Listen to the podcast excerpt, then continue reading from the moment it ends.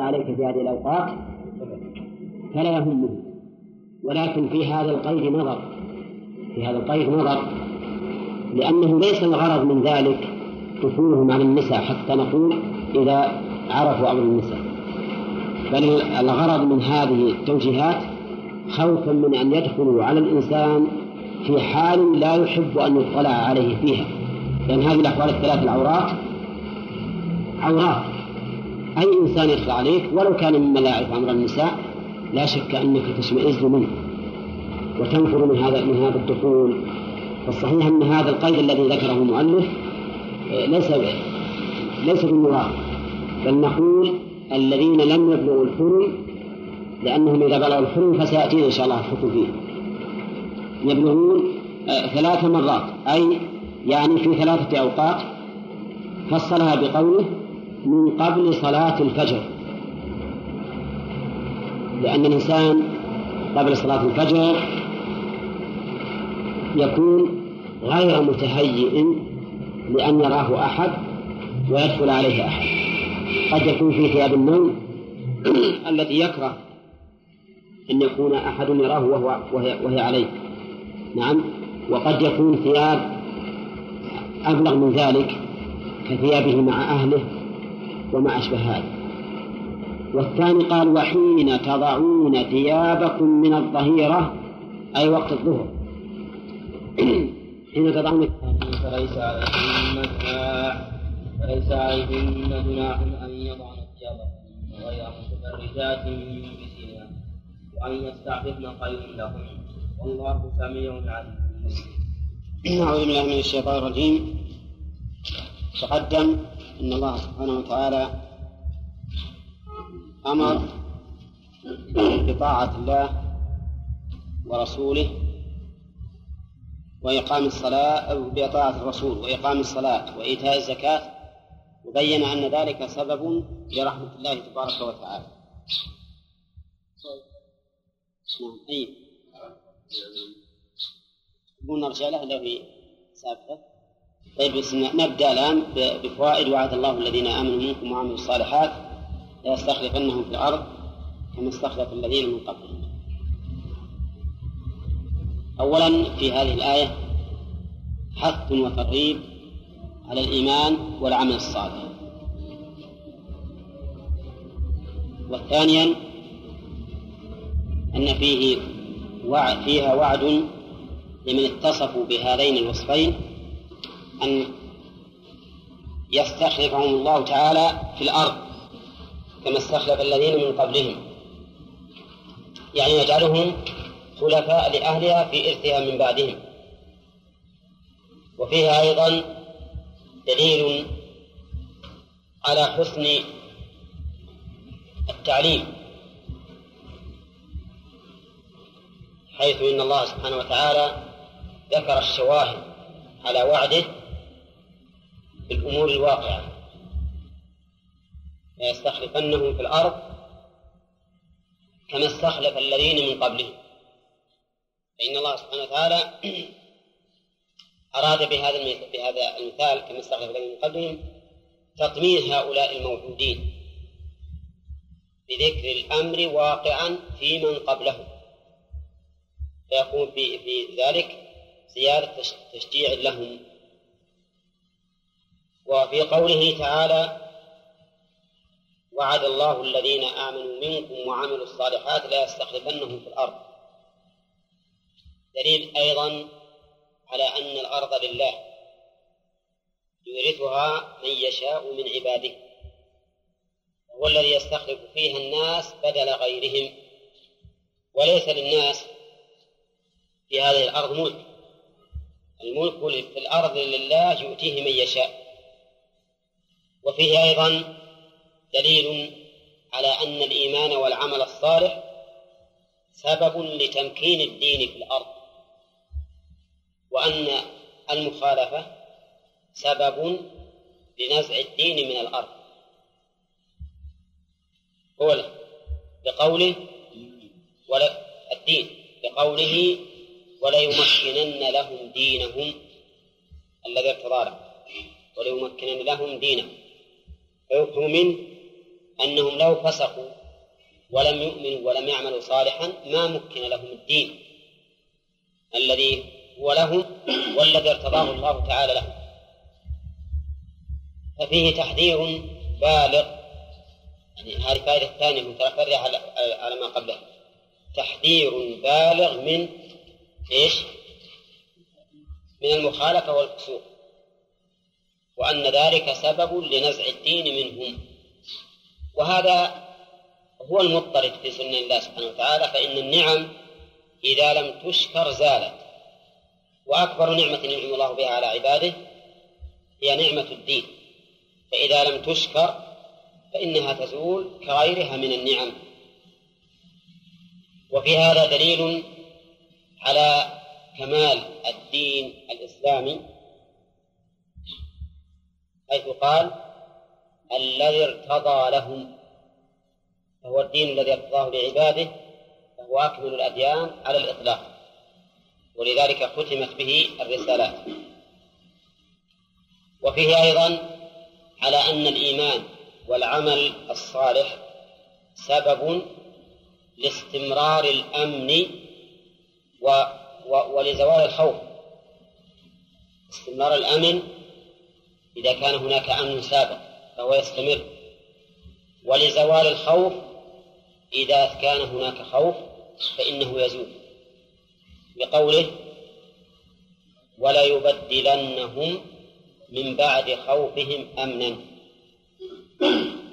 وفيه أيضا دليل على أن الأمور الهامة ينبغي تأكيدها بأنواع المؤكدات. فإن هذا الوعد من الأمور الهامة لما يترتب عليه من المصالح والمنافع في الدنيا والآخرة. ولهذا أكده الله تعالى بالقسم واللام والنون. ليستخلفنهم وليبدلنهم من بعد خوفهم أمنا. وأكده أيضا بمؤكد معنوي ليس بأداة لفظية وهو قوله كما استخلف الذين من قبلهم. فإن المراد بهذا التشبيه كما أسلفنا المراد به تأكيد هذا الوعد بذكر شواهده. فيكون ذلك أيضا تأكيد معنوي على تأكيد اللفظي. فالأول اللي ذكرنا مؤكد باللام والنون والقسم هذه مؤكدات لفظية. لكن كما استخلف الذين من قبلهم فيها مؤكدات معنى مؤكد معنوي. نعم بذكر ما يقوي القلب ويثبته. وفيه أيضا دليل على أن الإيمان والعمل الصالح هو عبادة الله. بقوله يعبدونني لا يشركون بي شيئا. يعبدونني لا يشركون بي شيئا. وعليه فتكون يكون تحقيق التوحيد من أسباب هذا الوعد الذي وعد الله به. وفيه تهديد التهديد للكفر للكافرين. لقوله ومن كفر بعد ذلك فأولئك هم الفاسقون. فإن هذا تهديد لمن كفر بعد هذا الوعد أو بعد هذا الواقع. من كفر سواء كان وقع له ما ذكر من الاستخلاف في الأرض والأمن أو لم يقع له ولكنه وعد به فإن كفره بعد ذلك يجعله فاسقا. وفيه أيضا دليل على عظم هذا الفسق الذي الذي يحصل بعد هذا الوعد أو بعد هذا الواقع ووجه عظمه اسمعي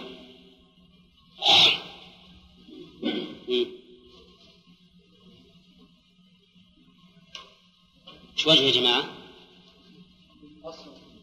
ها؟ حصر. نعم. حصر الفسق في هذا. فأولئك هم الفاسقون. مع أن يوجد أناس فاسقون غيرهم لكن لعظم فسقهم حصر الفسق فيهم. فأولئك هم الفاسقون.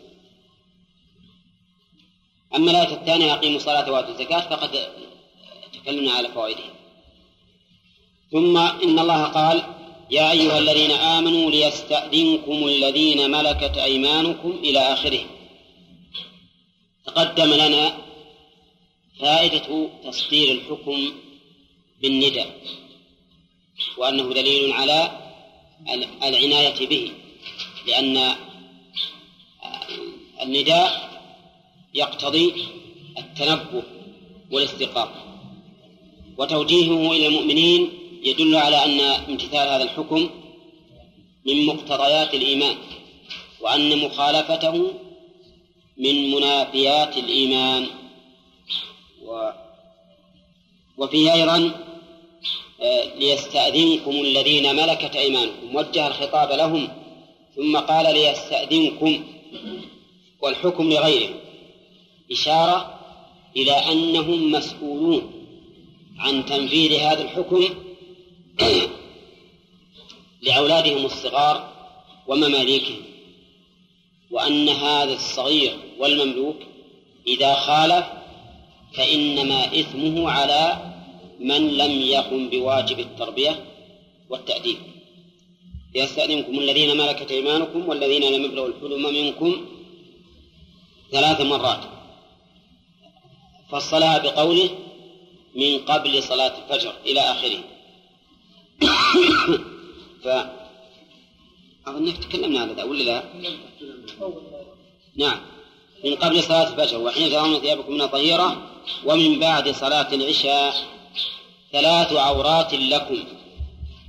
ثلاث عورات بالرفع. خبر مبتدأ مقدر بعده مضاف بعده مقدر بعد بعده مضاف مقدر بعده مضاف يعني هذا مبتدا مضاف وقام المضاف إليه مقامه أي هي أوقات ثلاث عورات لكم ثلاث عورات لكم مر علينا فيما سبق أن قوله ثلاث مرات يعني ثلاثة أوقات. يستأذنكم في ثلاثة أوقات. قال ثلاث عورات لكم.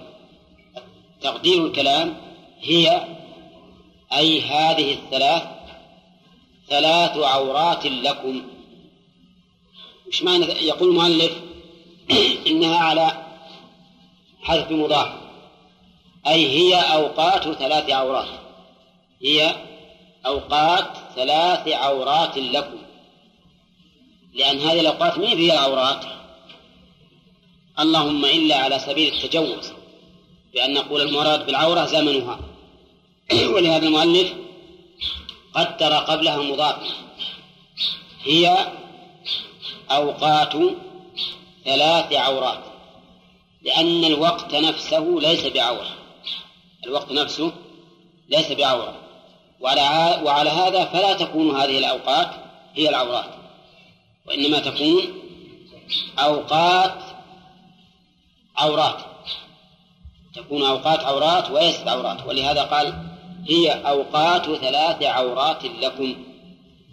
والعورة في الأصل ما يستقبح شرعا أو عرفا. كل ما يستقبح ويستحيا منه شرعا أو عرفا فهي عورة. هذه الأوقات الثلاثة أوقات عورات سولة راجحة كيف كانت أوقات عورات؟ إيه إنها أوقات عورات كيف ذلك؟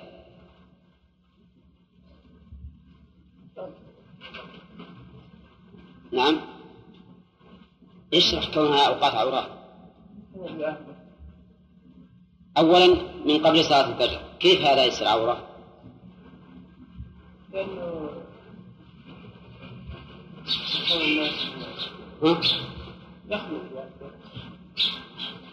ويكون عليه ثياب أو لباس النوم التي قد لا تكون قد يكره الإنسان أن يطلع عليها أحد. وحين تضعون ثيابكم من ظهيرة كذلك. الإنسان في وقت القائلة يضع ثوبه وينام عريانا أو ينام على صفة لا يحب أن يطلع عليه أحد. ومن بعد صلاة العشاء يكون متهيئا. شنو؟ للنوم. متهيئا للنوم ولابسا ثياب النوم ولا يحب أن يطلع عليه أحد. ولهذا قال إنها ثلاث عورات لكم. يعني ثلاث أوقات عورات لكم. أو أوقات ثلاث عورات لكم. ها؟ أي نعم. يعني مفهوم المعنى. يقول وبالنصب ثلاث عورات بتقدير أوقات أوقات منصوبا بدلا من محل ما قبله. قام المضاف إليه مقام مقامه وهي شلون؟ وهي لإلقاء الثياب فيها تبدو العورات. هنا ها؟ تبدو العورات ما عندنا فيها. تبدو العورات طيب. يقول المؤلف فيها قراءتان في النصب ثلاث عورات لكم. ويقال فيها ما سبق بأنها على تقدير مضاف. أي أوقات ثلاث عورات لكم. وهي منصوبة بدلا مما قبلها. أين اللي قبلها؟ قوله ثلاث مرات. ثلاث مرات. لأن مرات بمعنى أوقات. ثلاثة أوقات ثلاث أوقات ثلاث عورات لكم ثلاث مرات الأولى بمعنى ثلاثة أوقات.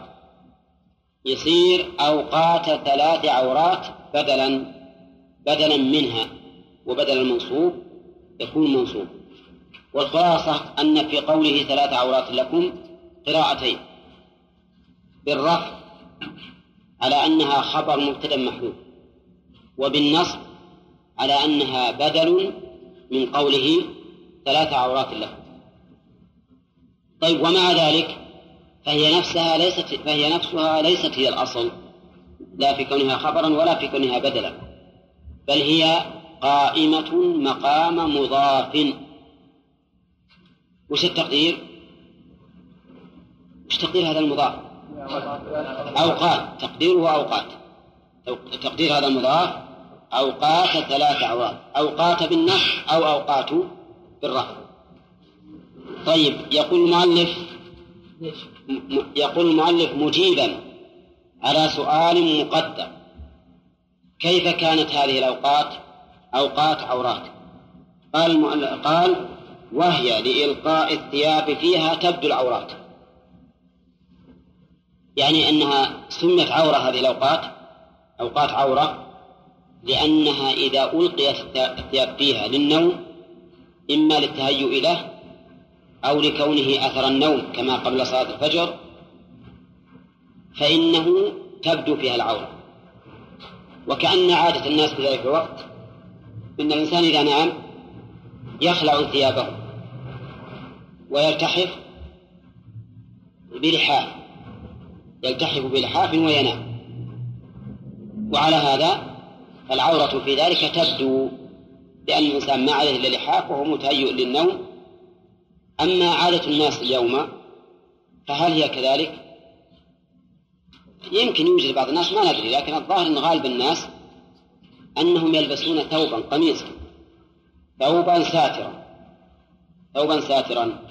وكذلك أيضا كانوا في الزمن السابق البيوت ما فيها حجاب ولا أستار فإذا فاجأ العبد أو الصغير صاحب المنزل في هذه الأوقات اطلع على عورته.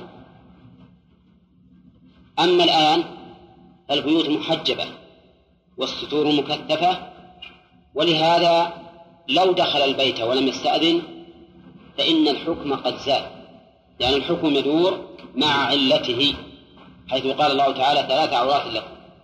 ولأجل ذلك اختلف أهل العلم في هذه الآية. فزعم بعضهم أنها منسوخة. وذلك لأن الناس تركوا في العمل بها من قديم. وقال آخرون بل هي محكمة وباقية. وروي عن ابن عباس رضي الله عنهما بسند صحيح أن هذه الآية محكمة لكن في حال دون حال وأنه لما كانت البيوت في فيما سبق غير محجبة والسطور غير موجودة والناس في حالة في حاجة في الحقيقة. الإنسان ما عنده إلا ثوب ما يلبسه في النوم يخلعه ويلتحف باللحاف لأجل أن يوفر على نفسه غسله بعد الاتساخ. يقول فأما الآن وقد كانت البيوت محجبة والستور كثيرة فإن فإن الحكم قد زاد. وعلى هذا فالحكم يدور مع علته. وعندنا أن الحكم باق حتى وإن كانت الأبواب محجبة البيوت محجبة لأننا نقول الإنسان عادة إذا أراد أن ينام فإنما ينام في مكان خاص. فإذا أراد أحد من هؤلاء المماليك والصغار أن يستأذن عليه في محل النوم الخاص فإن الحكم باقي. وماذا تغني الأبواب؟ إذا بغى إنسان يدخل عليه غرفة النوم يفتح الباب على طول ها؟ إيه فهذا أشد فالحكم باقي في الحقيقة.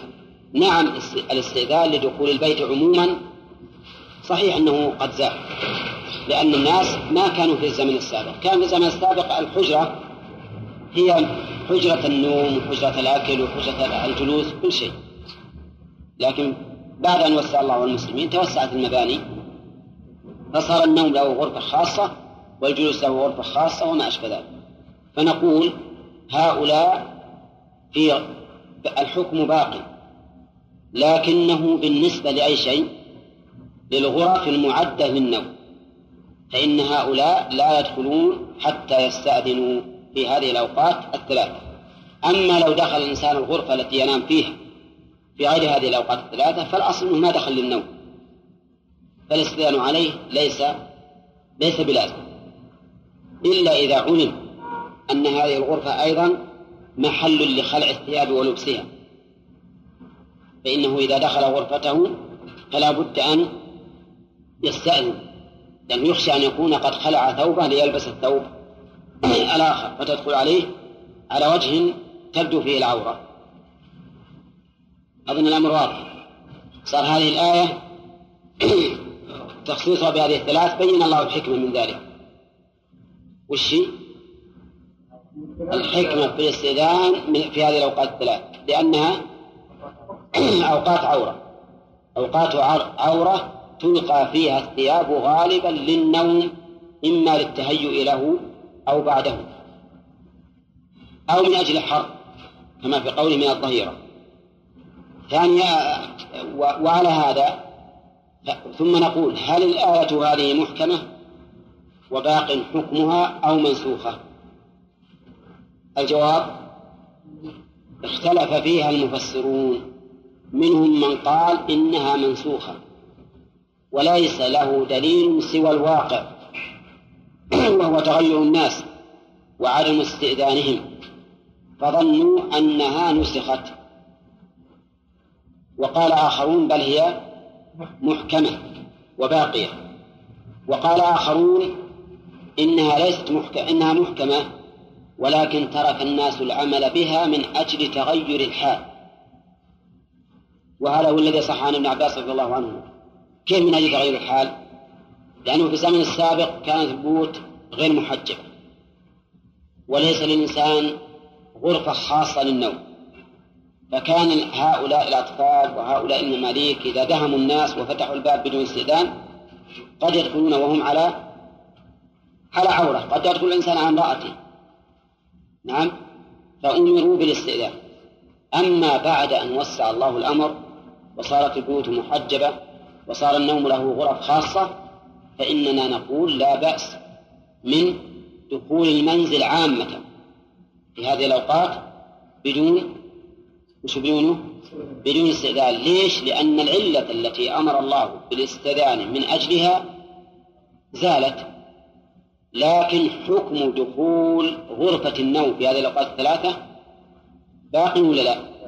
باق فلا يجوز دخوله لهؤلاء الأطفال والمماليك إلا بعد استئذان لئلا يدخلوا والإنسان على حال لا يحب أن يطلع عليه فيها أحد. نعم. نعم.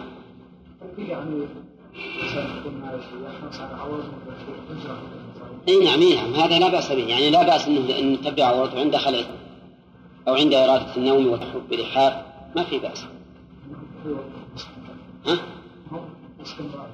لأن ما له حاجة بالاستمرار ما له حاجة. حتى لو كانت حر وبغى يخلع الانسان ثيابه فلا بد أن يلتحم يعني هذا خير له. طيب يا شيخ تعليل العلماء تحريم البقاء. نعم بأن ما لا. مو الصحيح إنه ما ما ما هو هذه العله الصحيح انه أن العلة أنه مكان خبيث ومأوى الشياطين. فلا ينبغي الإنسان أن يوقظ فيه إلا بقدر الحاجة. إلا بقدر الحاجة. ثم إن هناك أسباب أيضا ثانية طبية وهو الضرر. لأن هذا من أكبر ما يحدث البواسير. وتقع على الحاجة بدون بدون حاجة يحدث البواسير كما هو معروف عند الأطباء وعند الفقهاء أيضا. طيب الآن فهمنا حكم هذه المسألة. قال الله تعالى ليس عليكم ولا عليهم أي المماليك والصبيان جناح في الأحوال في الدخول بغير استئذان بعدهن. أي بعد بغير استئذان. ما عندي عليه في الدخول. ها؟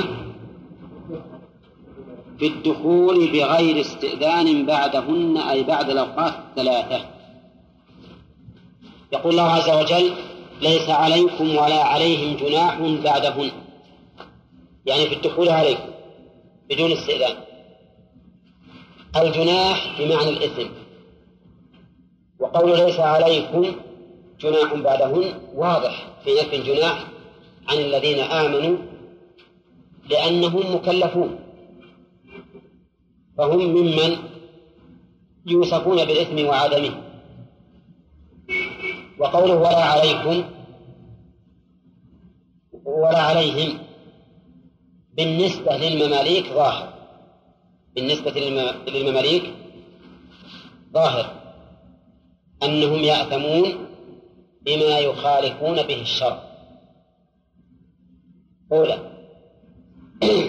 مرة ثانية يا أجل يتضح ليس عليكم ولا عليهم جناح بعدهم منطوق الآية أن الدخول بدون استئذان في غير هذه الأوقات الثلاثة ليس فيه إثم. لا على الأولياء ولا على الصغار والمماليك. ليس عليكم ولا عليهم. مفهوم الآية الكريمة أن دخولهم في هذه الأوقات بدون استئذان فيه جناح. عليكم وعليهم. كذا إسماعيل يقول ها؟ طيب محمد حامد أقصد ها؟ منطوق الآية ما هو؟ نفي الجناح منطوقة نفي الجناح على الأولياء وعلى المماليك والصغار في الدخول بغير استئذان في غير هذه الأوقات الثلاث وهذا واضح ما هو إشكال ومفهومها ثبوت الجناح في الدخول بغير استئذان في هذه الأوقات الثلاث الجناح على من؟ على من الجناح؟ على الأولياء والصغار والمماليك إذا دخلوا بهذا الاستئذان في في غير هذه الأوقات في هذه الأوقات الثلاث أما ثبوت الجناح على الأولياء إذا دخل هؤلاء بغير استئذان فالأمر فيه ظاهر مش وجهه؟ أنهم ما دخلوا بغير استئذان إلا لأن هؤلاء لم نعم قصروا في واجب التربية والتأديب. ومن قصر في واجب ترتب عليه ما يترتب على على تركه هذا بالنسبة للأولياء. بالنسبة للمماليك عليهم إثم عليهم جناح لأنهم تركوا الواجب وهم مكلفون. بالغون عاقلون. بالنسبة للصغار. هذا هو المشكل. هذا هو المشكل. فإن الصغار لا إثم عليهم. الصغار لا إثم عليهم. فكيف يصح أن ينفي الإثم مع أنه لا إثم عليهم؟ ها؟ أي ما يخالف من أصل ما عليه مثل لكن الآية كنا مفهومة بالنسبة للمفهوم. خلى النفي قد نقول الأصل ما عليه مثل. لكن بالنسبة للمفهوم الذي يقتضي إثبات الجناح فيما إذا دخلوا في هذه الأوقات الثلاث بدون صفة أولا هذا هو الإشكال. كونه لا إثم عليهم إذا دخلوا في هذه الأوقات الثلاث بغير استئذان هذا واضح. نقول الأصل النفي وهذا نفي. لكن الآن الإشكال يا جماعة الإشكال في في دلالة المفهوم ولا في دلالة المنطوق؟ في دلالة المفهوم. فإن دلالة المفهوم تدل على أنه يثبت الجناح لهؤلاء الصغار إذا دخلوا في هذه الأوقات بغير استئذان وهذا وجه الإشكال. وش وجه الإشكال؟ كيف يثبت الإثم على من لم يكلفوا؟ فالجواب على هذا أن يقال دلالة المفهوم لا يشترط فيها العموم. دلالة المفهوم لا يشترط فيها العموم. وإنما تصح وتصدق بالدلالة على فرد من أفراده. ولهذا يقولون المفهوم لا عموم له. المفهوم لا عموم له. فصار الجواب الآن أن نقول عليكم القول نقول المفهوم لا عموم لا الكلام اللي قلت أولا. إيه دلالة المنطوق لا نعم لا يشترط لها العموم. المفهوم لا يشترط لها العموم. فتصدق بصورة واحدة أو بفرد واحد. تصدق بصورة واحدة. وهنا كم صدقت؟ بكم صورة؟ بصورتين من ثلاث بصورتين من ثلاث. فنقول دلالة المفهوم لا يشترط فيها العموم وإنما تصدق بصورة واحدة من مئة صورة أو من ألف. فكيف وقد صدقت الآن؟ بصورتين من ثلاث. والصورة الثالثة لولا الأدلة على خروجها ما خرجت أيضا. لولا الأدلة على خروجها ما خرجت. مفهوم؟ الأدلة على خروجها عمومات الأدلة على أن الصغير غير مكلف وأنه لا إثم عليه. وأنه لا إثم عليه. طيب. نعم. لكن الأصل فيها كغيرها العموم ما لم يرد شلون؟ نعم الأصل لكنه ما يشترط. يعني نقول إن المفهوم لا عموم له بمعنى أنه يصدق بصورة واحدة فيكون المفهوم على حسب الأدلة على حسب الأدلة. يعني قاعدة مضطردة عندهم نعم. المفهوم يكون على حسب الأدلة. إن, إن كان أدلة على العموم وإلا يصدق بصورة واحدة. يقول طوافون عليكم للخدمة بعضكم طائف على بعض. طوافون خبر المبتدا محذوف. والتقدير هم طوافون. هم طوافون. والجملة هذه تعليل. تعليل لقوله ليس عليكم ولا عليهم جناح بعدهم. لماذا ليس علينا جناح؟ لأنهم طوافون علينا. يعني المترددون الطواف بمعنى المتردد. ومنه الطائف بالبيت لأنه يتردد عليه. ومنه قول النبي صلى الله عليه وسلم في الهرة إنها من الطوافين عليكم أي من المترددين عليكم. ومنه قول الناس للمساكين ها؟ طوافون لأنهم يترددون على الناس يسألونهم.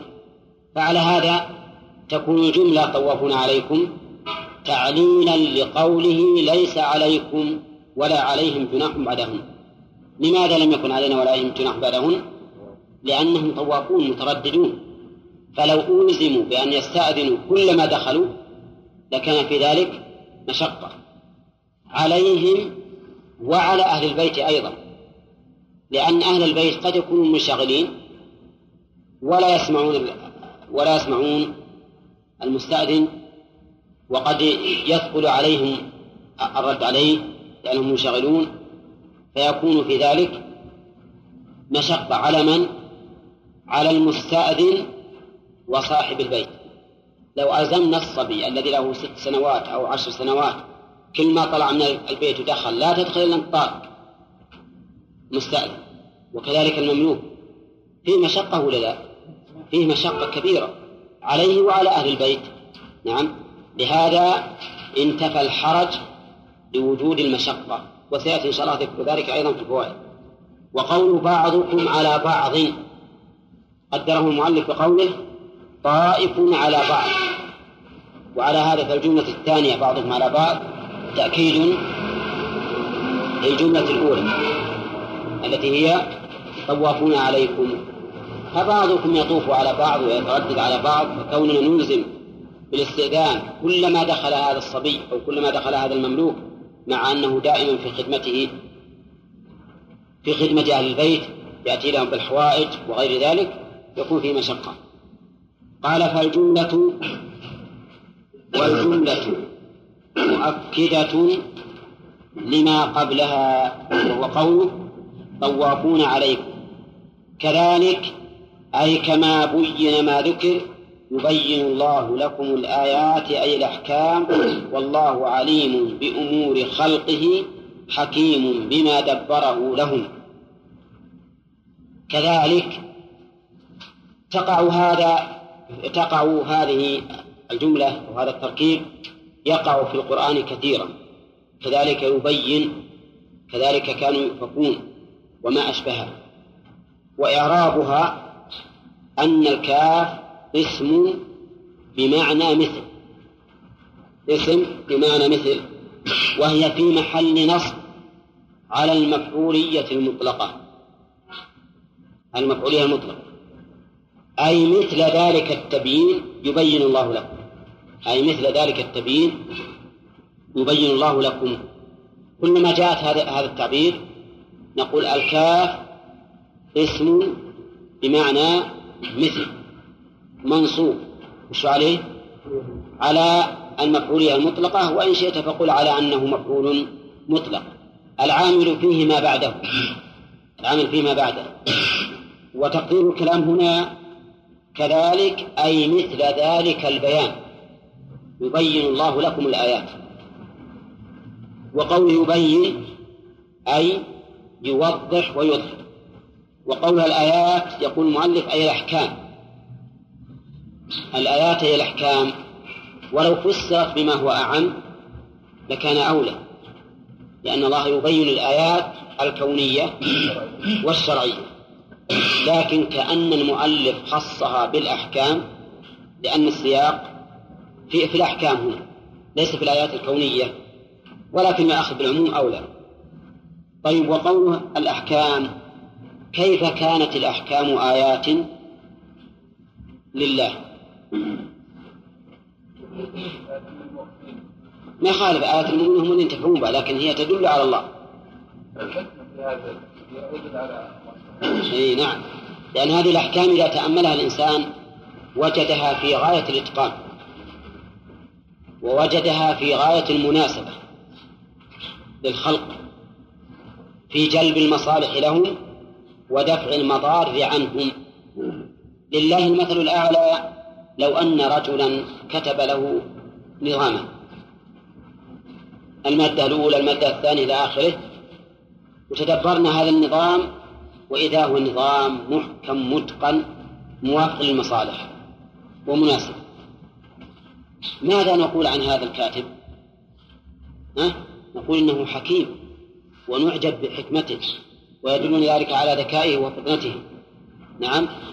فكيف بأحكام الله سبحانه وتعالى التي لا يمكن أن تتغير ولا أن تتناقض؟ ولو كان من عند غير الله لوجدوا فيه اختلافا كثيرا. فمن تدبر أحكام الله سبحانه وتعالى في خلقه تبين له أنها من لدن حكيم خبير. ولهذا قال كذلك يبين الله لكم الآيات. وفي وصف الأحكام بالآيات إرشاد للخلق إلى تأمل هذه الأحكام ليستدلوا بها على مشرعها. لا تظن إن إذا قيل لك الأحكام الشرعية آيات من آيات الله مو معنى أنك تقول ما شاء الله أنها آيات وتؤمن بأنها آيات. لا يجب أن تبحث وتأمل. مش لاجل يتبين لك كيف كانت آية من آيات الله عز وجل لتستدل بها على مشرعها على حكمته وعلمه ورحمته. وهكذا أيضا في الآيات الكونية ومن آياته الليل والنهار ما يكفي نقول الليل من آيات الله والنهار من آيات الله والشمس من آيات الله والقمر من آيات الله ما يكفي هذا. إنما يقال لك إنها من آيات الله. وش السبب؟ ترغيبا للبحث عن وجه كونها من آيات الله لتستدل بها عن اقتناء على خالقها إن كانت كونية وعلى مشرعها إن كانت شرعية. وقوله والله عليم حكيم إشارة إلى أن هذه الأحكام صادرة عن علم وعن حكمة. وإذا صدر الحكم عن علم وحكمة صار مطابقا للحق لأن مخالفة الحق في الأحكام مرجعها أحد أمرين إما الجهل وإما السفة. الجهل المنافي لإيش؟ هذلول منافي للعلم أو السفة المنافي للحكمة. فقد يكون المشرع جاهلا فلا يشرع أحكاما مناسبة لأنه جاهل وقد يكون سفيها يعلم الأحكام ويعلم مصلحتها ولكن لا لا يريدها. فيكون سفيها الله جل وعلا متصف بالعلم والحكمة اللتين بهما إيش؟ تكون الأحكام مناسبة للمصالح. وباختلاف واحد منهما يختل من الأحكام بحسبه. والله أعلم. نعم. نعم. اللي غيرهم نعم يبقون على الاستئذان دائما نعم. يستأذنون دائما. لكن هذا فيما يبدو والله أعلم في من ليس من أهل البيت. في من ليس من أهل البيت. أما أما صاحب البيت فلا أستاذ هذا الظاهر. وسيأتي إن شاء الله لأن المؤلف معلق عادي كلام آخر. نعم. أيه اللام لام الأمر الوجوب. استغفر الله. سمعني عبد الرحمن اسمعي أنت ما حضرت أمس؟ طيب ما حضرت بالتشهد باب ذكر التشهد مع مسعود وغيره. اللي معك المتن ولا؟ ها؟ ها؟ نيل الأوطار. فعلى المريض حرج ولا على أنفسكم أن تأكلوا من بيوتكم أو بيوت آبائكم. أو بيوت أمهاتكم أو بيوت إخوانكم أو بيوت أخواتكم أو بيوت أعمامكم أو بيوت عماتكم أو بيوت أخوالكم أو بيوت خالاتكم. أو ما ملكتم مفاتحه أو صديقكم ليس عليكم جناح أن تأكلوا جميعا أو أشتاتا فإذا دخلتم بيوتا فسلموا على أنفسكم تحية من عند الله مباركة طيبة. كذلك يبين الله لكم الآيات لعلكم تعقلون. أعوذ بالله من الشيطان الرجيم. تقدم أن الله سبحانه وتعالى بين بل أوجب أن يستأذن الصغار والمماليك في ثلاث ساعات. الأولى من بعد صلاة الفجر من قبل صلاة الفجر. والثانية حين تضعون ثيابكم من الظهر والثالثة من بعد صلاة العشاء. وبين الله سبحانه وتعالى الحكمة في ذلك بأن هذه الأوقات الثلاثة عورات للإنسان فربما يستأذن الشخص فربما يدخل الشخص عليه بدون استئذان فيجده على عورته أي على ما يستقبح أن يرى ويستهجن. وأظننا ما تكلمنا عن الفوائد. طيب. وسبق أيضا أنه ليس عليهم ولا على أوليائهم جناح بعد هذه الثلاث في أن يدخلوا بدون استئذان.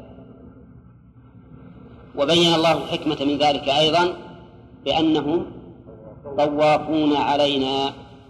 بعضنا على بعض طواف متردد وإيجاب الاستئذان في كل ما ترددوا فيه حرج ومشقة. طيب نبدأ الآن بالفوائد. أولا توجيه الخطاب للمؤمنين والحكم لغيرهم يدل على أنهم مسؤولون عنهم. يدل على أنهم مسؤولون. ثانيا وجوب استئذان هذين الصنفين من الناس الصغار والمماليك في ثلاثة أوقات فقط وهي المذكورة. وأما من سواهم فيجب عليهم الاستئذان دائما. الفائدة الثالثة إي نعم. فظاهر الآية أنه لا يجب عليه الاستئذان. ظاهر الآية أنه لا يجب عليه الاستئذان. لأنه صغير ولا يهتم بالأمور. أي نعم. طيب فيه دليل على تعليل الأحكام. وأرجو أن لا أحد يسأل ما دمنا نستمع. لأنه قد يكون في ذهني شيء ثم هذا السؤال يحول بيني وبينه. آه الفائدة الثالثة لأن محل السؤال والمناقشة الدرس. الفائدة الثالثة ما هي؟ قلنا تعليل الأحكام. تعليل الأحكام بمعنى أن أحكام الله سبحانه وتعالى كلها مبنية على الحكم. وجه ذلك في الآية أن الله علل الحكم الأول والحكم الثاني. الحكم الأول وجوب الاستئذان في ثلاث أوقات بأنها عورات والحكم الثاني عدم الاستئذان فيما عداها بأنهم طوافون عليكم. الفائدة الرابعة تحريم النظر إلى العورات. تحريم النظر إلى العورات. ما وجهه؟ أنه إذا وجب الاستئذان في هذه الأوقات الثلاثة خوفا من أن يفاجئهم على عورة. فمن تعمد النظر إلى عورة فهو أولى فهو أولى. إذن فيستفاد منه تحريم النظر إلى العورة سواء كان الناظر صغيرا أو كبيرا. وأما تهاون بعض الناس في نظر الصغير إلى العورة فهذا خطأ. بعض الناس إذا صار الصغير توه ست سنين سبع سنين ما يهمه أن ينظر إلى عورته. وذلك لا يجوز لأنه لا بد أن يرتسم في ذهنه هذا المنظر ثم ربما يذكره في يوم من الأيام. الحاصل أن هذا دليل فيه دليل على تحريم النظر إلى العورة من الصغير والكبير. ولكن ترى المراد بالصغير الذي إيش؟ يميز. لأن قوله ليستأذنكم دليل على أنه مميز يؤمر بالاستئذان فيستأذن. أما الصغير غير مميز فهذا ليس له ما يدري عن شيء. الفائدة الخامسة رفع الحرج والمشقة على الناس. رفع الحرج والمشقة على الناس منين ناخذه؟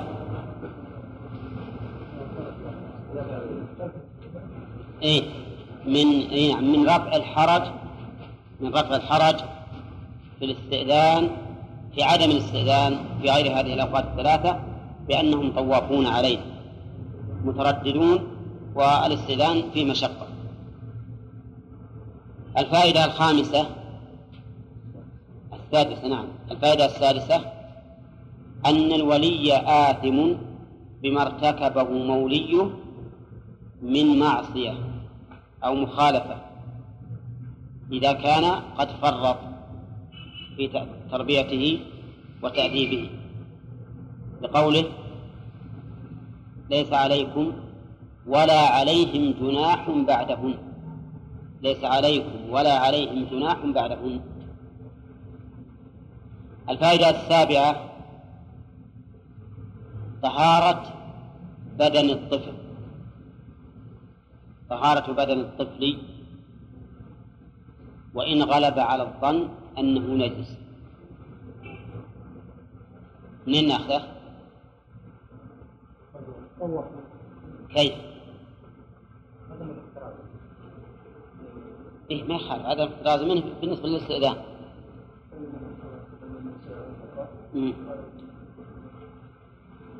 إنها من الطوافين إنها ليست بنجس وعلل ذلك بأنها من الطوافين. وهؤلاء من الطوافين فربما يؤخذ من هذا طهارة بدن الطفل. وأنه طاهر ما لم يتيقن النجاسة فإذا تيقن النجاسة هذا شيء ثاني.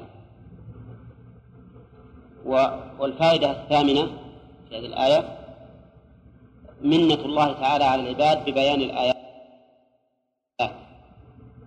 الكونية والشرعية حتى لا يبقى للناس على الله حجة بعد هذا البيان. كذلك يبين الله لكم الآيات. الفائدة الرابعة التاسعة الفائدة التاسعة أنه لا يستطيع أحد أن يأتي بمثل تشريع الله عز وجل. ونظامه منين تؤخذ؟ لا غير هذا. من كونه جعل ذلك من الآيات وآيات الله معناها أنها لا تصلح لغيره. إذ لو صلحت لغيره لم تكن آية له لم تكن آية له. هذا يدل على أن شرع الله لا يمكن أن يأتي أحد بمثله وإلا ما صح أن يكون آية كان غير آية. وفيه أيضا دليل على ثبوت ملك اليمين للآدميين وأن الإسلام جاء بالرق بقوله والذين ملكت أيمانكم والذين ملكت أيمانكم. ولكن كما هو معلوم أن الإسلام حمى حقوق هؤلاء المماليك ورغب في تحريرهم وعتقهم وجعل للعتق أسباب متعددة. الفائدة الحادية عشرة جواز وضع الثوب عند النوم.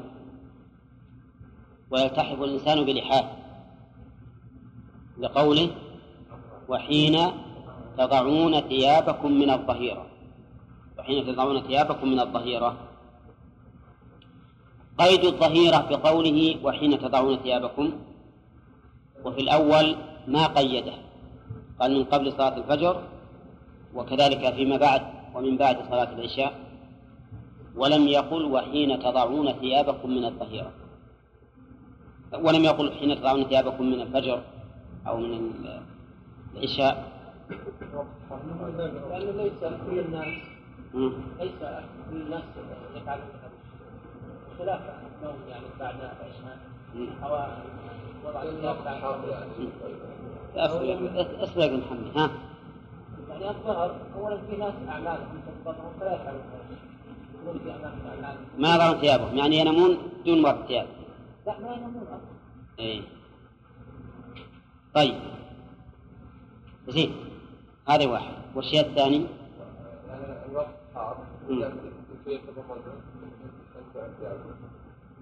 طيب وفي الليل؟ الليل ما له ما له ثياب إلا النوم؟ الليل ما له ثياب إلا النوم؟ وكان ينحضر؟ لكن مو بيضعون ثيابهم الناس عند النوم؟ الأغلب. لا هو الظاهر إنه مثل ما قال محمد إنه ما كل الناس يكون ما بعد ما عند الظهر عورة له ما كل الناس يكون عورة له إنما يكون عورة لمن؟ يضع ثوبه لينام عند الظهيرة. وبعضهم قال لأن نومة الظهر ليست طويلة فبعض الناس ما يفسخ ثيابه. نعم ولهذا قيدها بقوله حين تضعون ثيابكم من الظهيرة بخلاف نوم الليل فإن الناس يخلعون ثيابهم لأن مدته تطول. نعم.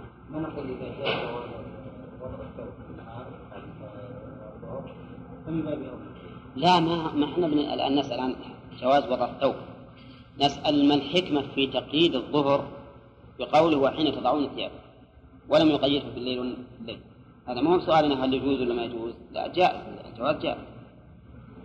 طيب وفيه أيضا دليل. ال- الفائدة الثالثة عشرة أظن. الثانية عشرة. فيه دليل على أن الله على عناية الله سبحانه وتعالى بالخلق على عناية الله بالخلق وأنهم وإن رضوا بما يستقبح فلن يرضى الله به. فقد يقول قائل أنا ما يهمني إذا دخل علي طفلي في هذه الأوقات الثلاث. فنقول له ولكن الله سبحانه وتعالى قد اعتنى بك ومنع من الدخول عليك في هذه الأوقات الثلاثة الثالثة عشر أظن ذكرناه ما أدري وهي جواز الدخول بدون استئذان في غير هذه الأوقات الثلاثة ها؟ ذكرناها؟ زين طيب فيه بحث هل هذه الآية محكمة أو منسوخة أو ترك العمل بها لزوال الحاجة إليها وش قلنا أمس؟ قال بعض العلماء هذه الآية نعم منسوخة. دليل أنه ترك العمل. وثبت عن ابن عباس أنه قال هي محكمة ولكن في حال من الحال نعم وقال بعض العلماء أنه نعم. في السابق كانت البيوت يعني كان الناس ما أستار ولا حجب ولا ولا شيء حدود مم. أما وجدت أستار الحدود فيعني بطل ولكن الصحيح أنه قال يعني لما كانت فيها أستار حدود يقال هذا في المكان الذي حجرت يعني فيها أو أن الناس اليوم بعد وقت خاص في النوم نعم. فيقال هذا الحكم يثبت. يعني إذا محكمة الآية. الآية محكمة. وهو كذلك. الآية محكمة. ويجب أن نعرف أنه ما يجوز أن نقول عن آية أو حديث إنه منسوخ إلا بعد. وش بعد؟ بعد أن نتعذر أن يتعذر الجمع بينه وبين ما ادعي أنه ناسخ. وأن يعلم التاريخ بتأخر الناسخ نعم. وإلا إذا كانك ما تستطيع أن تجمع فكل العلم إلى الله. أما أن تدعي النسخ لأن معنى النسخ إبطال هذا النص وإبطال النص صعب. لذلك يجب على الإنسان أن يتورع عن إطلاق النسخ فيما لم يثبت نسخه ثم إن ترك العمل بها لا يدل على أنها منسوخة الحقيقة لأن كم من أشياء محكمة وترك الناس العمل بها. فترك الناس للعمل بها إما تهاونا وإما لزوال السبب الموجب للاستئذان. والآن المؤلف وفي الآية أيضا الفائدة الخامسة عشرة في الآية أيضا إثبات العلم والحكمة لله من هذين الاسمين والله عليم حكيم. والحكمة سبق لنا أنها وضع الأشياء في مواضعها. بل سبق لنا أن الحكيم ليس معناها ذو الحكمة فقط بل معناه ذو الحكم والحكمة. شو يا عبد الرحمن؟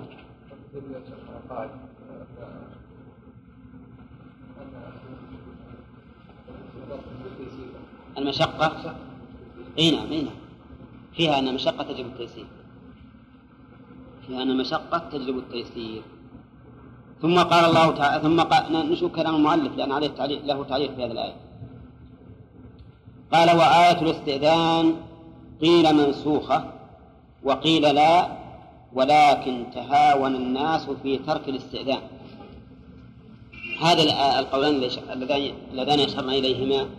والصحيح أن الآية محكمة وباقية وأن ترك الاستئذان إما للتهاون وإما لزوال السبب الموجب للاستئذان. وأما أن نقول إن الأحكام الشرعية تنسخ بترك الناس العمل بها فهذا لا وجه له. في ترك الاستئذان. اي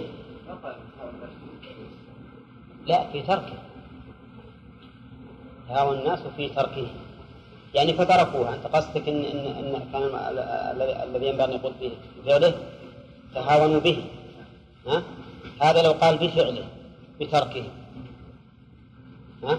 ويصلح أيضا تهاون الناس بماذا تهاونوا؟ أو ما سبب تهاونهم؟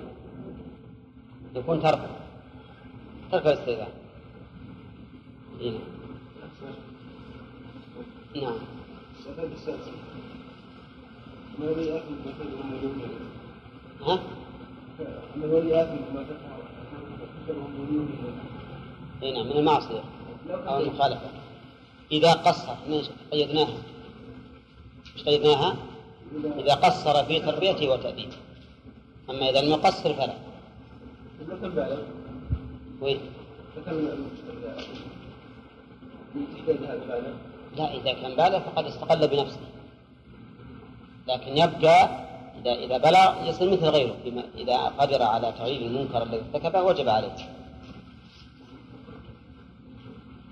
طيب إحنا أيضا بحثنا أمس في ال- قوله ليس عليكم ولا عليهم جناح بعدهم وقلنا للآية منطوق ومفهوم. منطوقها لا إشكال فيه وهو نفي الجناح لأنه منتف من الجناح لكن مفهومها أنه عليهم جناح في هذه الأوقات الثلاثة على الأ- الأولياء وعلى الصغار. وهذا فيه إشكال لأن الصغار ليسوا مكلفين حتى يكون عليهم جناح في المعصية أن الأفراد له أن أن المحكوم له إيه. أفراد متعددة إيه. وأن وأن وأن يصدق. يصدق بأحد بأحد الأفراد لأحد الأفراد. إيه نعم. نقول المفهوم ليس له عموم. فيصدق بوجود صورة من من من من, من العموم. ولو صورة واحدة. ثم قال وإذا بلغ الأطفال منكم ال منكم إيش بعده؟ أيها الأحرار؟ أي أي الأحرار الكبار عندنا أيها بس حاطها إلها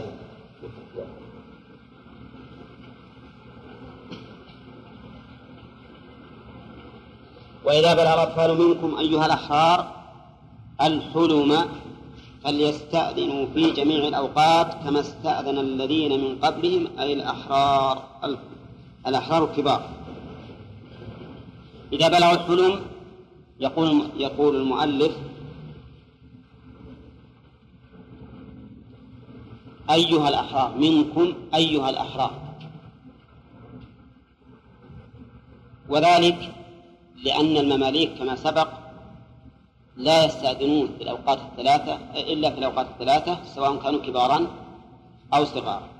لهذا قيدها المؤلف بالأحرار لمفهوم أول الآية أو لمفهوم الآية الأولى. وقولها بلغوا الحلم الحلم وكناية عن البلوغ بالإنزال عن البلوغ بالإنزال والحلم بمعنى الاحتلام أو بمعنى العقل وذلك لكمال عقولهم لكن الأولى الأول أولى لأنه ما يشترط في, في هذا كمال العقل. وكمال العقل يحصل بكمال أربعين سنة. وقوله إذا بلغ الحلم فليستأذنوا. لم يذكر الله سبحانه وتعالى سوى بلوغ الحلم. والمعروف أن هناك شيئان شيئين آخرين يحصل بهما البلوغ هما تمام خمس عشرة سنة وإنبات شعر العام. لكن هذان الأمران فيهما خلاف بين العلماء. فمنهم من يرى أنه لا بلوغ إلا بالإنزال وأن تمام خمس عشرة سنة ليس علامة على البلوغ بل علامة على قدرة الإنسان على الجهاد لأن الذين أخذوا بها إنما أخذوا بحديث ابن عن حينما عرض على النبي صلى الله عليه وسلم عام أحد فلم يجزه وعرض عليه عام الخندق فأجازه وكان له عام الخندق خمس عشرة سنة. لكن في رواية للحاكم أنه قال فلم يجزني ولم يرني بلغت والثاني فأجازني ورآني بلغت. لكن كلمة بلغت هل معناه بلغت سن التكليف أو بلغت الحالة التي يمكنني فيها أن أجاهد؟ في احتمال في احتمال. لكن عمر بن عبد العزيز رضي الله رحمه الله ورضي عنه رأى أن هذا كتب إلى عماله أن يفرضوا لمن بلغ خمس عشرة سنة ورآهم قد بلغوا. وقال إذا كان هذا السن حدا لقتال لصلاحهم للقتال فهو حد لبلوغهم. ويرى بعض العلماء كأبي حنيفة أن حد البلوغ ثمانية عشرة سنة. ثمانية عشرة سنة لا خمسة عشرة سنة. وهذا هو الذي مشى عليه نظام العمل والعمال هنا. لأن الذي واضعه فيما يظهر إنسان أجنبي. ما يعرف إلا المذهب المعروف الشائع عند عامة المسلمين وهو مذهب أبي حنيفة الذي يقيده بثمانية عشرة سنة. إنما مذاهب الأئمة الثلاثة أن البلوغ يحصل بخمس عشرة سنة. أما إنبات العانة فنفس الشيء أيضا فيه الخلاف. والذين قالوا إنه ليس علامة على البلوغ قالوا إن كون الرسول عليه الصلاة والسلام يكشف عن معتزل بني قريظة فمن أنبت قتله ليس ذلك دليلا على أنه مكلف بل هو دليل على أنه من أهل القتال. فيقتله النبي عليه الصلاة والسلام. لكن المشهور من المذهب ما أشر ما هو معروف لديكم من أن البلوغ يحصل بواحد من خمس من ثلاثة أشياء. قال فليستأذنوا شف فليستأذنوا وجه الخطاب لهم لأنهم إذا بلغوا الحلم صاروا أهلا للتكليف. وتوجيه الخطاب إليهم وقوله كما استأذن الذين من قبلهم أي من عامة الناس الذين يستأذنون في جميع الأوقات. كذلك يبين الله لكم آياته والله عليم حكيم. كذلك أي مثل ذلك البيان يبين. وقد قلنا إن كاف اسم بمعنى مثل وهي مفعول مطلق ليبين. وهنا الآية الكريمة مثل الآية التي قبلها إلا الفرق بقوله آياته بدل آيات بدل الآيات. ولعل هذا والله أعلم من باب التنويع في الخطاب أو في الأسلوب. وإلا فمعناهما سواء. ثم قال تعالى والقواعد من النساء والقواعد من النساء قعدن عن الحيض والولد لكبرهن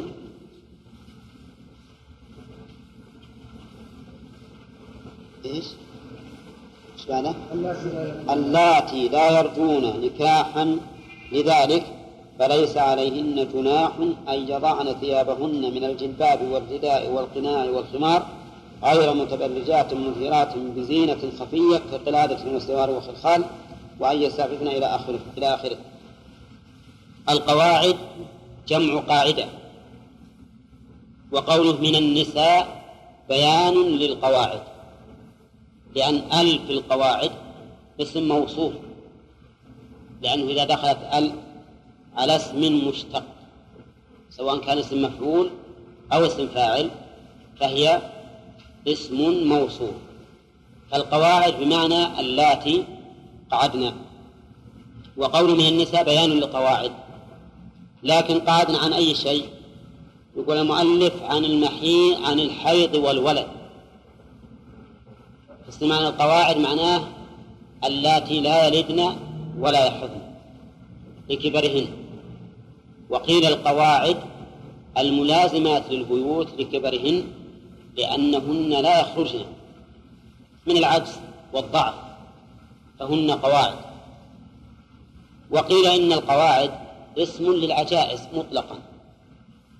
مثل ما نقول عجوز مشتقة من العجز نقول أيضا قاعدة بمعنى عاجزة عن القيام والذهاب والإياب طيب وقوله اللاتي لا يرجون نكاحا اللاتي صفة لإيش؟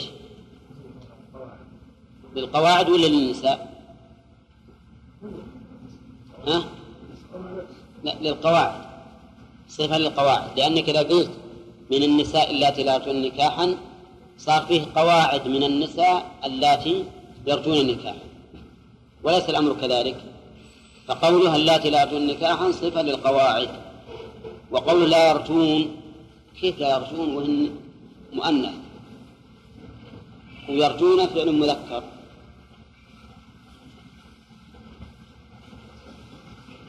ها؟ والواو. ها؟ أي نعم. الواو واو الفعل. والنون نون النسوة. وما لا يرجون نكاحا أي لا يطمعن فيه. وذلك لكبرهن. لأنهم ما يرجون أحد يزوجهن حتى من عجائز ما يبيهن أحد. فليس عليهن جناح أن يضعن ثيابهن.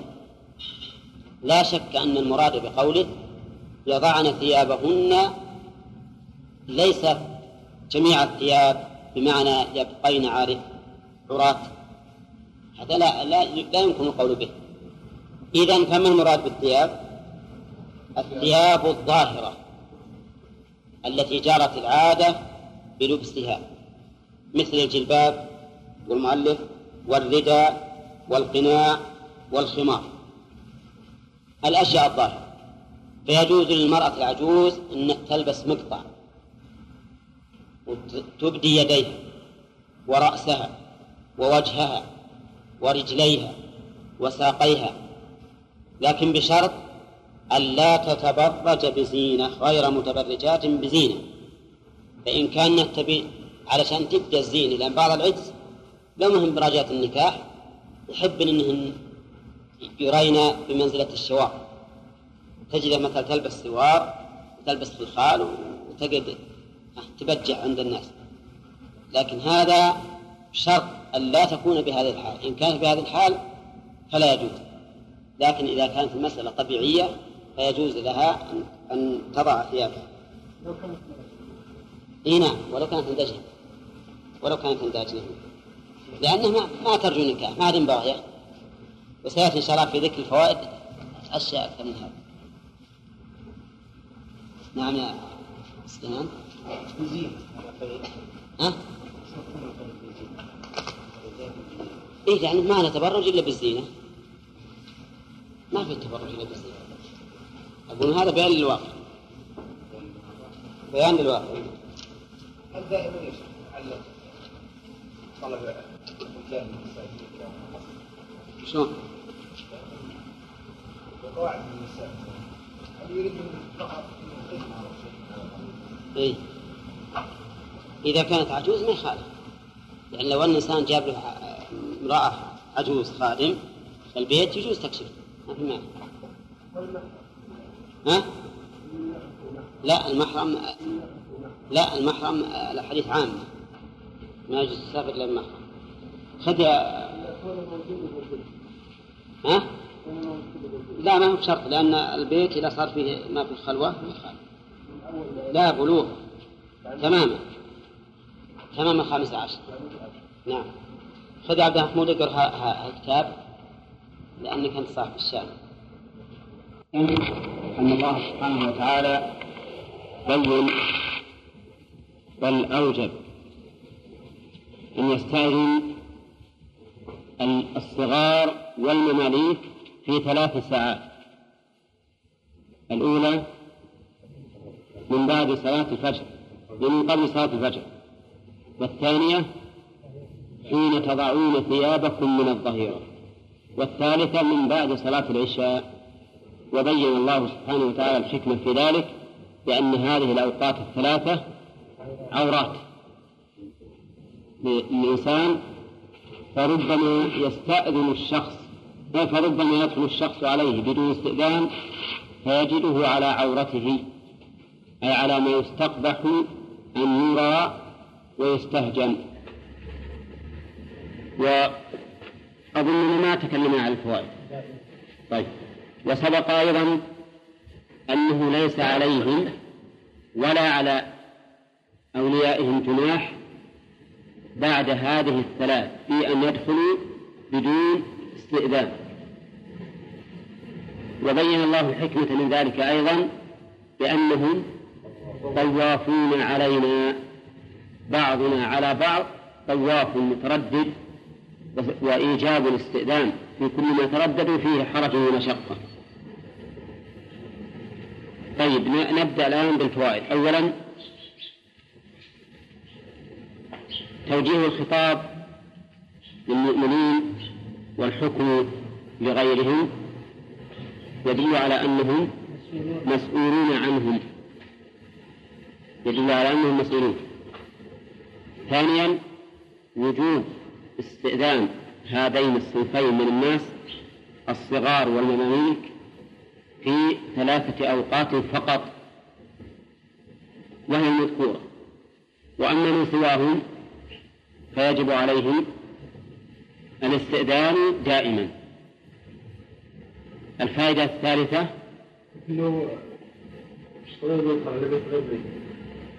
هنا. فظاهر الآية أنه لا يجب عليه الاستئذان. ظاهر الآية أنه لا يجب عليه الاستئذان. لأنه صغير ولا يهتم بالأمور. أي نعم. طيب فيه دليل على تعليل الأحكام. وأرجو أن لا أحد يسأل ما دمنا نستنبط. لأنه قد يكون في ذهن شيء ثم هذا السؤال يحول بيني وبينه. آه الفائدة الثالثة لأن محل السؤال والمناقشة الدرس. الفائدة الثالثة ما هي؟ قلنا تعليل الأحكام. تعليل الأحكام بمعنى أن أحكام الله سبحانه وتعالى كلها مبنية على الحكم. وجه ذلك في الآية أن الله علل الحكم الأول والحكم الثاني. الحكم الأول وجوب الاستئذان في ثلاث أوقات بأنها عورات. والحكم الثاني عدم الاستئذان فيما عداها بأنهم طوافون عليكم. الفائدة الرابعة تحريم النظر إلى العورات. تحريم النظر إلى العورات. ما وجهه؟ أنه إذا وجب الاستئذان في هذه الأوقات الثلاثة خوفا من أن يفاجئهم على عورة. فمن تعمد النظر إلى عورة فهو أولى فهو أولى. إذا فيستفاد منه تحريم النظر إلى العورة سواء كان الناظر صغيرا أو كبيرا. وأما تهاون بعض الناس في نظر الصغير إلى العورة فهذا خطأ. بعض الناس إذا صار الصغير توه ست سنين سبع سنين ما يهمه أن ينظر إلى عورته. وذلك لا يجوز لأنه لا بد أن يرتسم في ذهنه هذا المنظر ثم ربما يذكره في يوم من الأيام. الحاصل أن هذا دليل فيه دليل على تحريم النظر إلى العورة من الصغير والكبير. ولكن ترى المراد بالصغير الذي إيش؟ مميز. لأن قوله ليستأذنكم دليل على أنه مميز يؤمر بالاستئذان فيستأذن. أما الصغير غير مميز فهذا ليس له ما يدري عن شيء. الفائدة الخامسة رفع الحرج والمشقة على الناس. رفع الحرج والمشقة على الناس. منين ناخذه؟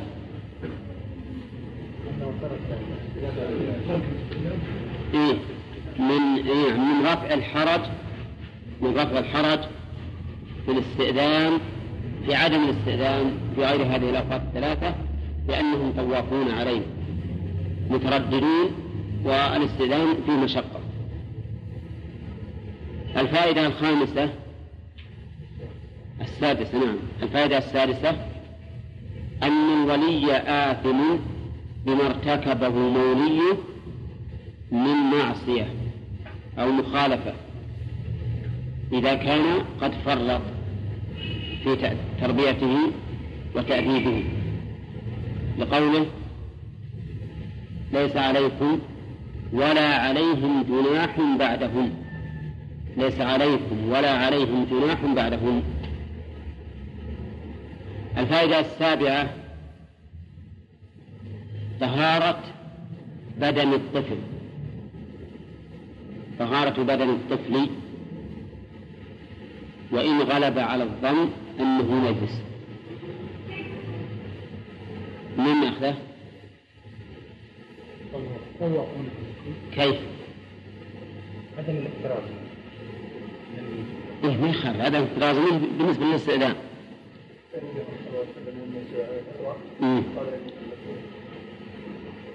إنه من الطوافين إنها ليست بنجس وعلل ذلك بأنه من الطوافين. وهؤلاء من الطوافين فربما يؤخذ من هذا طهارة بدن الطفل. وأنه طاهر ما لم يتيقن النجاسة إذا تيقن النجاسة هذا شيء ثاني. والفائدة الثامنة في هذه الآية منة الله تعالى على العباد ببيان الآيات. الكونية والشرعية حتى لا يبقى للناس على الله حجة بعد هذا البيان. كذلك يبين الله لكم الآيات. الفائدة الرابعة التاسعة. الفائدة التاسعة أنه لا يستطيع أحد أن يأتي بمثل تشريع الله عز وجل ونظامه. من تؤخذ؟ لا غير هذا. من كونه جعل ذلك من الآيات وآيات الله معناها أنها لا تصلح لغيره إذ لو صلحت لغيره لم تكن آية له لم تكن آية له. فهذا يدل على أن شرع الله لا يمكن أن يأتي أحد بمثله وإلا ما صح أن يكون آية لكان غير آية. وفيه أيضا دليل على ثبوت ملك اليمين للآدميين وأن الإسلام جاء بالرق لقوله والذين ملكت أيمانكم والذين ملكت أيمانكم. ولكن كما هو معروف أن الإسلام حمى حقوق هؤلاء المماليك ورغب في تحريرهم وعتقهم وجعل للعتق أسبابا متعددة. الفائدة الحادية عشرة جواز وضع الثوب عند النوم. ويلتحف الإنسان بلحافه لقوله وحين تضعون ثيابكم من الظهيرة. وحين تضعون ثيابكم من الظهيرة. قيد الظهيرة بقوله وحين تضعون ثيابكم. وفي الأول ما قيده. قال من قبل صلاة الفجر وكذلك فيما بعد ومن بعد صلاة العشاء. ولم يقل وحين تضعون ثيابكم من الظهيرة. ولم يقل حين تضعون ثيابكم من الفجر أو من العشاء. يعني ليس كل الناس ليس كل الناس يفعلون هذا الشيء. النوم يعني بعد العشاء. أو وضع من يعني الظهر اولا في ناس اعمالهم مثل الظهر فلا يفعلون هذا الشيء. يكونون في اماكن اعمالهم ما يرون ثيابهم يعني ينامون دون ثياب لا ما ينامون أصلا. اي طيب. زين. هذا واحد. والشيء الثاني؟ يعني الوقت حار. مم. كي ثيابه طيب وبالليل ها؟ الليل ما له ما له ثياب إلا النوم. ها؟ الليل ما له ثياب إلا النوم. وكان هذا لكن مو يضعون ثيابهم الناس عند النوم. بس الأغلب. لا هو الظاهر إنه مثل ما قال محمد إنه ما كل الناس يكون ما ما عند الظهر آه، عورة له ما كل الناس يكون عورة له إنما يكون عورة لمن؟ يضع ثوبه لينام عند الظهيرة. وبعضهم قال لأن نومة الظهر ليست طويلة فبعض الناس ما يفسخ ثيابه. نعم ولهذا قيدها بقوله حين تضعون ثيابكم من الظهيرة بخلاف نوم الليل فإن الناس آه، يخلعون ثيابهم لأن مدته تطول. نعم. ما نقول إذا جاء وضع الثوب في النهار بعد الظهر ثم إذا لا ما ما عن جواز وضع الثوب.